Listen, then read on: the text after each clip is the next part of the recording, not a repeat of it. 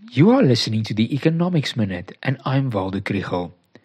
Tomorrow, August's inflation rate will be announced, and con- economists expect it to come in slightly higher than in July at 4.8 or 4.9%. The drivers are the weak rand, increases in the price of fuel, Eskom's tariff increases, and high stages of load shedding, which increase operating costs.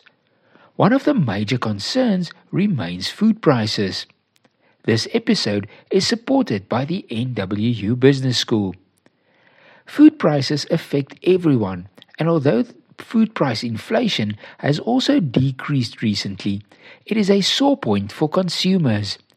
Many feel that they are not seeing the price slowdown in their shopping carts, and others feel that some in, someone in the value chain is profiting at the expense of consumers.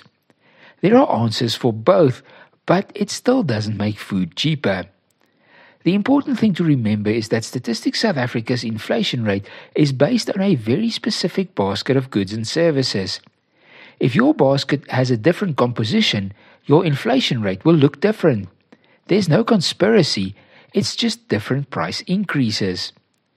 The Competition Commission recently investigated why supermarket prices of maize meal bread and beef have not yet decreased as much as producer prices.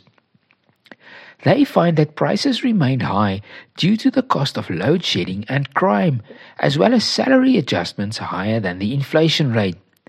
The report finds that retailers have not increased their profit margins and are even absorbing part of the rising costs. One analyst expects food price inflation to decline sharply by December. We all hope he's right.